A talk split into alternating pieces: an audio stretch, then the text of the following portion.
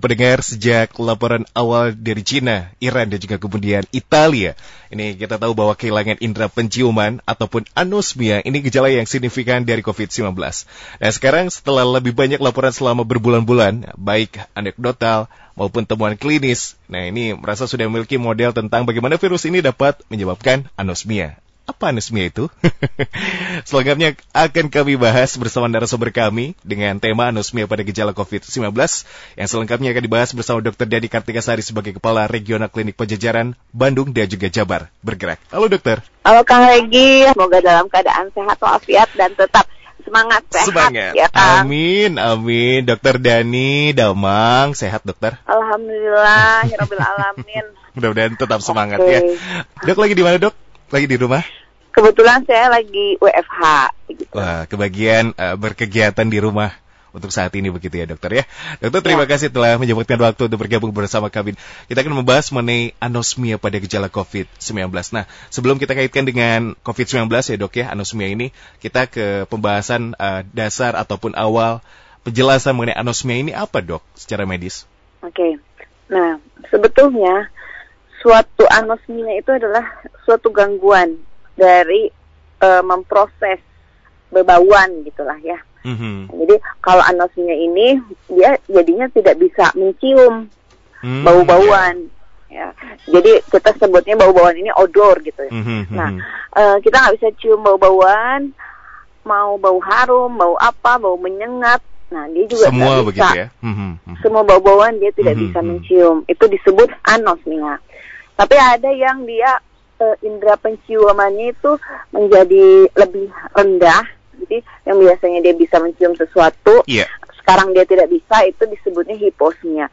Nah, nanti dia ada lagi mencium yang orang-orang biasa aja nyium. Nah, dia merasa itu berlebihan. Itu ada hiperosmia. Ada juga yang gangguan. Jadi orang tersebut dapat mengolah suatu penciuman menjadi wangi yang lain atau Mhm, odor mhm. yang lain gitu. Mhm. Nah, di situ juga ada. Jadi bukan kayak orang ngayal-ngayal atau gangguan jiwa. Jadi ternyata ada gangguan juga yang terkait dengan itu. Kita kali ini membahas tentang anosmia di mana eh, penciuman betul-betul tidak bisa diproses begitu. Jadi ternyata banyak ya macamnya dokter ya mengenai Ya. eh, yaitu eh, kondisi kesehatan yang berkaitan dengan indera penciuman. Berarti anosmia ini ya adanya gangguan untuk penciuman ya dokter ya. Betul. Nah ini apa yang menyebabkan seseorang bisa terjadi ataupun terkena anosmia ini dokter? Sebelum kita tahu nih, kenapa sih kok bisa terjadi? Kita harus perhatiin dulu anatomi dari sistem penciuman kita. Di mana di situ ternyata mana sih yang buat kita bisa mencium atau menghidu kita sebutnya. Nah, ternyata di bagian mukosa atau bagian dalam dari saluran nafas hidung ini, Iya. dia tuh ada reseptor. Reseptornya Hmm. tuh dia menyebar, jadi kayak akar gitu ya, mengakar. Reseptornya di mukosa-mukosa hidung. Nah, setelah itu dia naik ke atas, ada cabang saraf yang nanti dia berkumpul lagi ber- berupa bandel-bandel saraf gitu ya. Nah, lalu dia nanti akan naik ke otak bagian depan. Nah, bagaimana e, bisa terjadi gangguan penghidu? Ya kalau ada gangguan di jalan antara tadi si reseptor sampai ke bagian yang memproses yaitu di kepala eh, di otak bagian depan. Nah, di sini kalau ada gangguan ya berarti dia terjadilah masalah anosmia ini. Permasalahannya bisa tadi ada yang menghalangi reseptor menangkap bebauan tersebut, menangkap odor tersebut. Ada juga permasalahannya dari gangguan memang sarafnya udah kurang bagus. Ada juga permasalahannya di bagian pengolahan yaitu di eh, otak bagian depan. Nah, maka di situ eh, yang harus kita cari tahu dari suatu keluhan Iya. kira-kira mana nih eh, letak penyebabnya. Begitu Hmm, Kang. Baik, terima kasih dokter pemaparannya. Ya berikutnya, nah ini kalau misalkan kita ingin tahu ya dok ya eh, gejala-gejala yang mungkin ini lebih ke arah anosmia. Apa saja yang bisa dikenali dokter dari tanda ataupun gejala yang bisa dirasakan? Nah, memang kalau untuk anosmia ini dia ternyata terasanya tuh mudah disadari ya. Mhm, mhm. Dan pal- paling kerasa tuh dikasih wangi-wangian seperti minyak kayu putih nggak nggak kerasa gitu Kang Regi. Padahal kan Mhm, minyak kayu mhm. putih nyebar banget ya, inget mau misalnya di suatu ruangan di sana yang pakai keciumi sampai ke mana-mana gitu kan ini dia pakai minyak kayu putih nggak kecium terus dikasih wangi-wangi kopi juga dia nggak kecium jadi wangi-wangi menyengat itu dia uh, udah aja hilang penciumannya dan terutama terasa jadi berkurang karena di dalam penghidu itu dia ada aroma makanan itu akan meningkatkan nafsu makan begitu Kang Regi. Ya, itu gejala yang bisa terjadi dan berkaitan dengan anosmia, Dokter Dani ya, begitu ya? Iya, betul. Biasanya terjadinya berapa lama itu, dok, anosmia ini? Kita tidak bisa mencium aroma apa pun itu? Nah, tadi kan kita bicara reseptor ya, Kang Iya, iya. Jadi fit ternyata reseptor itu dia punya usianya sendiri. Nanti dia ha harus ganti lagi beregenerasi jadi sel-sel reseptor yang baru. Itu sekitar 30 hari. Nah, jadi sebetulnya bila terdapat suatu gangguan yang sementara, di itu 30 hari udah ganti reseptornya yang baru. Seharusnya udah e, membaik. Tapi bila ternyata gangguan tersebut masih ada, maka reseptor yang baru pun terganggu, indera penciumannya pun terganggu. Tergantung nih penyebabnya hilangnya kapan. Tapi pada prinsipnya reseptor ini akan berganti tiap sekitar 30 hari. Nah, seharusnya sih keluhan akan menghilang bila tidak bila segera tertangani 30 hari itu udah bisa nyium lagi seperti biasa. Begitu Kang Regi. Apa yang bisa dilakukan dokter ketika itu terjadi? Apakah kita juga bisa menilai bahwa itu anosmia atau mungkin karena ya sudahlah mungkin karena flu, karena pilek jadi nggak bisa uh, mencium aroma apa pun atau memang ini harus terdiagnosis oleh dokter begitu dok? Ya, anosmia pada yang batuk atau pilek biasa biasanya hanya bersifat sementara ya. Jadi tergantung apa penyebabnya. Ketika anosmia itu terjadi karena suatu sumbatan dari jalan nafas tadi menuju ke reseptornya itu, misalkan karena ada lendir yang terlalu banyak, ada sumbatan apa obstruksi atau e, benda asing. Nah, maka ketika hal tersebut yang terjadi, maka e, ketika sumbatannya diambil udah hilangkan keluhannya. Nah, namun bila pada awal-awal terasa ya dan itu tidak mengalami perbaikan seperti biasa. Misalnya kayak batuk pilek pilek sebentar aja. Dihilangkan sehari juga udah bisa membau lagi. Atau nggak sampai sehari hanya beberapa jam juga dia sudah bisa membau lagi. Nah bila satu sampai dua hari mulai terasa tidak bisa membau, tidak mau bisa memproses odor, Nah, maka sebaiknya itu segera datang ke fasilitas kesehatan untuk dilakukan telusur lebih lanjut. Begitu, Kang Regi. Baik. Nah, lalu Dokter Dani ini juga tentunya ramai begitu ya. Informasi yang sering kali juga disampaikan kepada seluruh masyarakat yang berkaitan dengan COVID-19 ini. Betul, Dok? Ini anosmia juga menjadi salah satu kondisi kesehatan yang dikaitkan dengan COVID, Dok? Nah, itu merupakan fakta jadi betul sekali Kang, ternyata anosmia merupakan salah satu gejala penyakit dari COVID-19 begitu. Ini menarik ya dok. Maksudnya dari apakah sudah ada penelitian ataupun hasil dari pengujian uh, di seluruh dunia atau mungkin di Indonesia bahwa kenapa virus corona ini akhirnya menyerang salah satu indera penciuman yaitu mengakibatkan penderitanya yang terinfeksi ini mengalami anosmia dok? Iya betul. Uh, jadi sudah uh, di, ada penelitiannya hmm. dan itu sudah diumumkan oleh WHO Baik. bahwa anosmia menjadi salah satu gejala dari COVID-19. Hmm. Nah, kebanyakan nih pasien-pasien uh, di RSCM hmm. Hmm. itu juga keluhan anosmianya sangat dominan. Baik. Dan biasanya gitu dia keluhinnya bau bau kayu putih itu nggak bisa nggak bisa kecium begitu Kang Regi. Baik, dok, anosmia ini kalau misalkan lebih mudahnya begitu menjelaskan, benar-benar tidak tidak mencium apa pun. Ya, gitu. Dia tidak bisa memproses. Hmm. Dia benar-benar tidak bisa memproses si odor. Hmm. Jadi hmm. mau dia bau asap atau apa ya, itu ya. tidak bisa. Baik. Nah, itu dia makanya. Kalau misalkan uh, kalau COVID kan memang ada beberapa kondisi kesehatan lainnya begitu ya, dok ya bisa demam, bisa dan lain sebagainya. Kalau anosmia benar-benar hanya anosmia saja dan kondisi sehat, fit, ini tetap saja tidak ada mencoba apa pun begitu. Itu yang dinamakan anosmia ya dok ya? Iya, jadi anosmia ini sendiri kadang awalnya gitu kang, mm -hmm. itu bisa berupa hiposmia dulu. Jadi dia berupa kurang, kurang, kurang penciuman dulu okay. gitu ya. Mm -hmm. Berproses nah, berarti. Di mana ya? uh, juga kan banyak penyebabnya. Bisa mm -hmm. karena rokok, gitu. Hmm. Juga bisa karena zat-zat toksin lain gitu. Nah, jadi uh, awal misalkan selain kalau COVID dia kan itu yang tiba-tiba banget.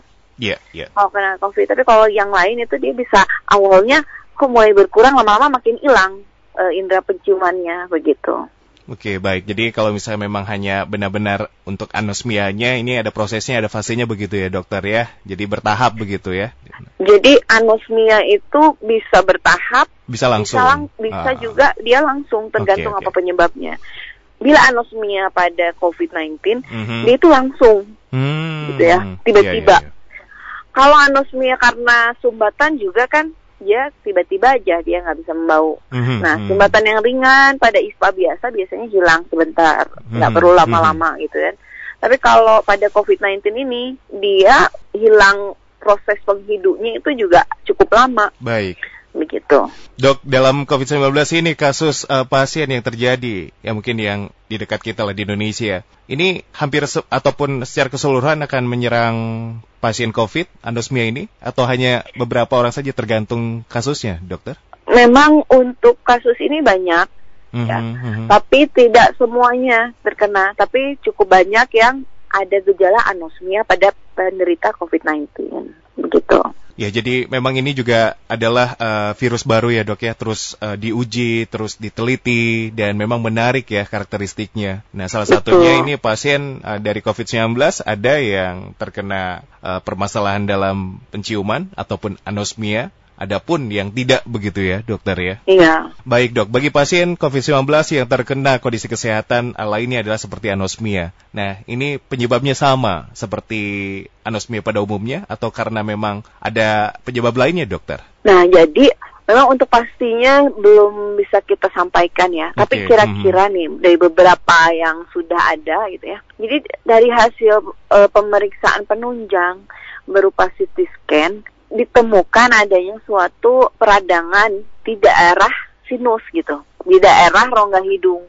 Nah, rongga hidung bagian dalam. Di situ ada suatu penonjolan sehingga hal tersebutlah yang menyebabkan proses dari penghidu itu menjadi terganggu. Jadi kalau misalkan tidak ada yang menghalangi proses penghidu, ya nanti dia bisa mencium lagi. Ketika pada pasien uh, eh, COVID-19 ini ternyata CT scan-nya di bagian kafum nasi atau rongga hidung bagian dalam yeah. itu tuh dia uh, mulai ada gang, benda asing lah mm -hmm, gitu mm -hmm. penonjolan dari bagian rongganya. Nah akhirnya kan kalau ada bagian jadi kalau kita proses menghidu itu di situlah proses nanti sampai ke persarafan yang tadi bandel tadi kan mm -hmm, masuk mm -hmm. ke bagian otak Nah, di situlah harusnya prosesnya mulai uh, semakin di apa disampaikan ke iya. otak yeah. untuk diproses. Ternyata di situ dia uh, ada yang menghalangi sehingga terganggu mm -hmm, begitu. Mm -hmm. Ya dalam penanganannya sendiri bagaimana dokter ini untuk pasien COVID-19 yang ditangani tentunya anosmianya ya?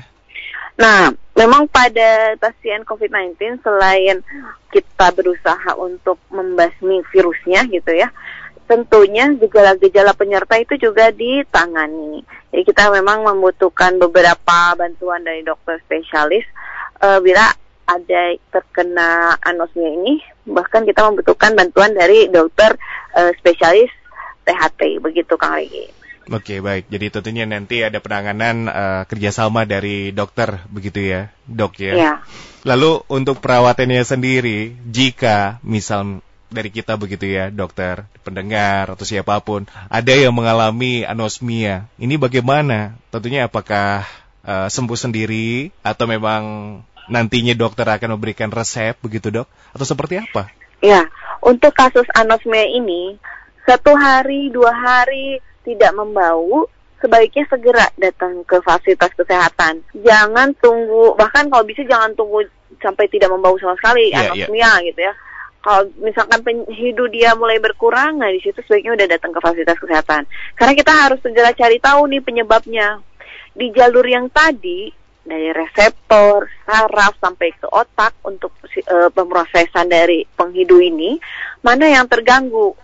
Kalau ternyata dari reseptornya karena ada yang menghalangi atau reseptornya rusak karena zat-zat toksin seperti rokok, asap rokok, atau asap pembakaran, misalkan pada tukang sate ya.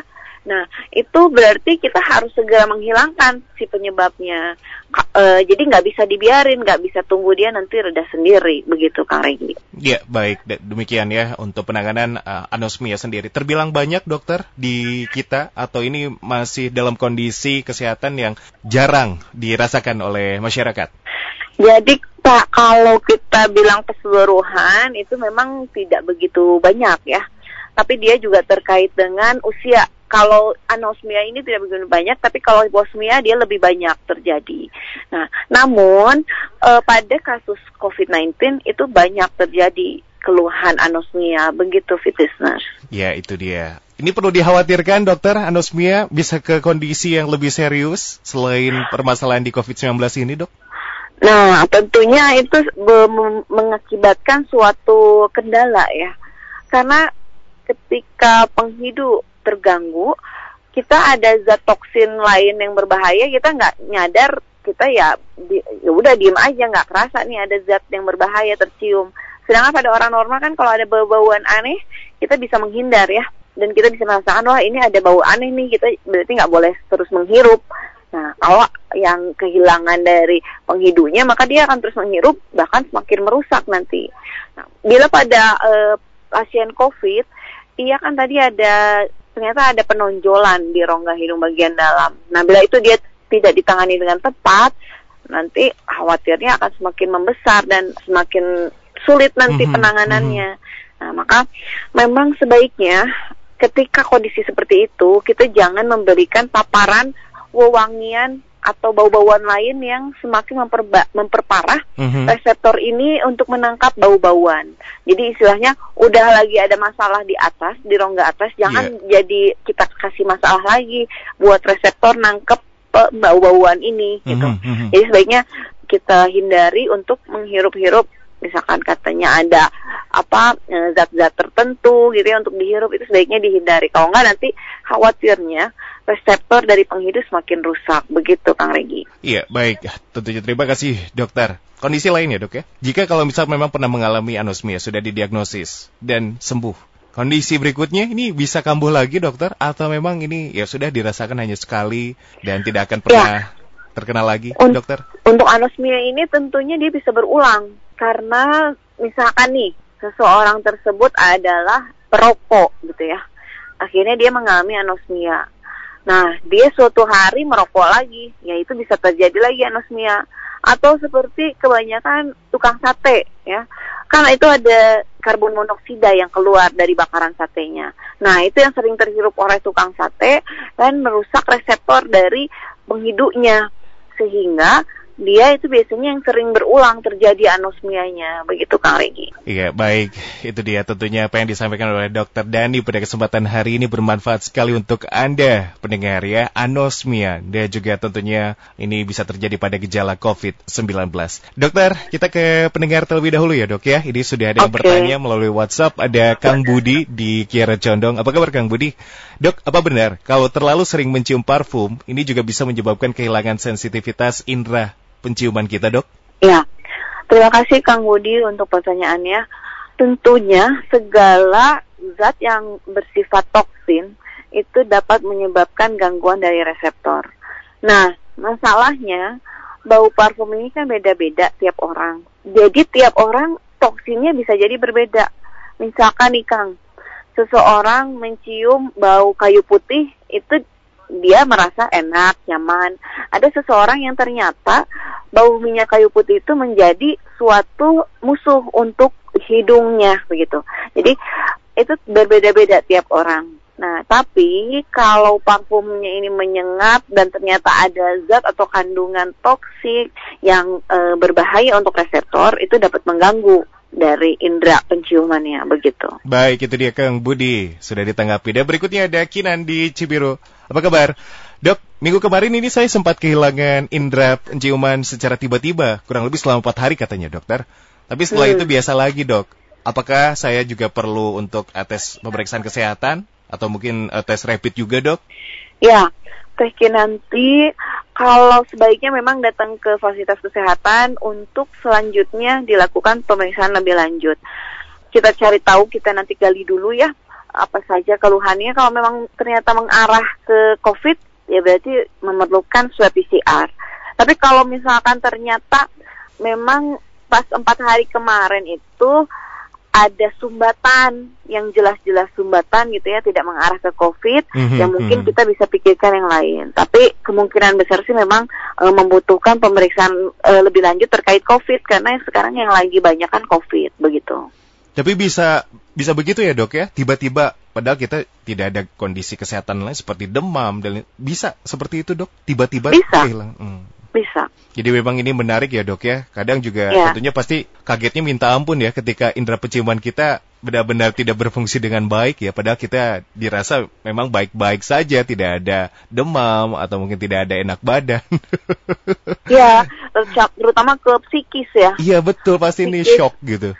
Mm, kalau misalkan seseorang dia tidak bisa membau, mm -hmm, selain mm -hmm. ke nafsu makannya mengganggu, bahkan dia uh, bau tubuh dia juga dia tidak tahu betul, bisa jadi betul. orang tidak nyaman dengan bau tubuh dia gitu ya, ya tapi ya. dia tidak menyadari hmm, nah itu hmm, dia hmm. psikis kebanyakan sih yang paling uh, menonjol begitu baik dok ini saya ingin bertanya ya uh, anosmia ini bisa dalam bentuk ataupun kondisi kesehatan yang diturunkan dok ataupun mungkin kelainan yang memang sudah ditakdirkan tidak ada ataupun tidak berfungsinya indera penciuman Ya, memang kalau kita bilang keturunan itu tidak ya. Oke. Okay. Keturunan tidak. Jadi misalkan uh, orang tuanya anosmia, mm-hmm. apakah dia juga akan jadi anosmia? Tidak, belum tentu.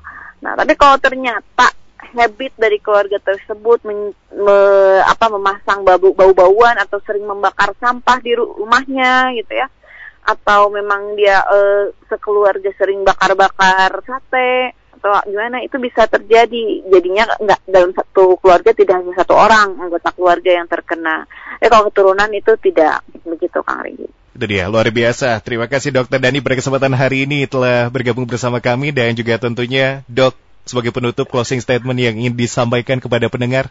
Ya, jadi untuk setiap keluhan terkait dengan anosmia ini jangan diabaikan. Memang harus memperhatikan terkait keluhan anosmia ini. Jangan menunggu sampai tidak tercium, tapi harus ada penurunan dari penciuman itu juga harus segera datang ke fasilitas kesehatan. Atau ternyata nih indera penciumannya kok jadi lebih kok orang-orang nggak nyium ini saya nyium bau ini gitu. Nah itu sebaiknya segera datang ke fasilitas kesehatan. Nah misalkan nih biasanya anosmia pun e, mengganggu pada pasien-pasien dengan penyakit kronis atau mm -hmm, katastropik mm -hmm, seperti uh, diabetes dan hipertensi. Nah, sebaiknya mencegah lebih baik daripada mengobati. Begitu Kang Regi. Dokter Dani, terima kasih untuk kesempatan hari ini yang juga tentunya telah menyampaikan informasi yang bermanfaat untuk kita semua mengenai anosmia pada gejala COVID-19. Dokter, selamat beraktivitas di rumah ya dok ya hari ini ya. Selalu jaga kesehatan. Terima kasih. Sama-sama dokter. Salam untuk keluarga di rumah. Terima kasih.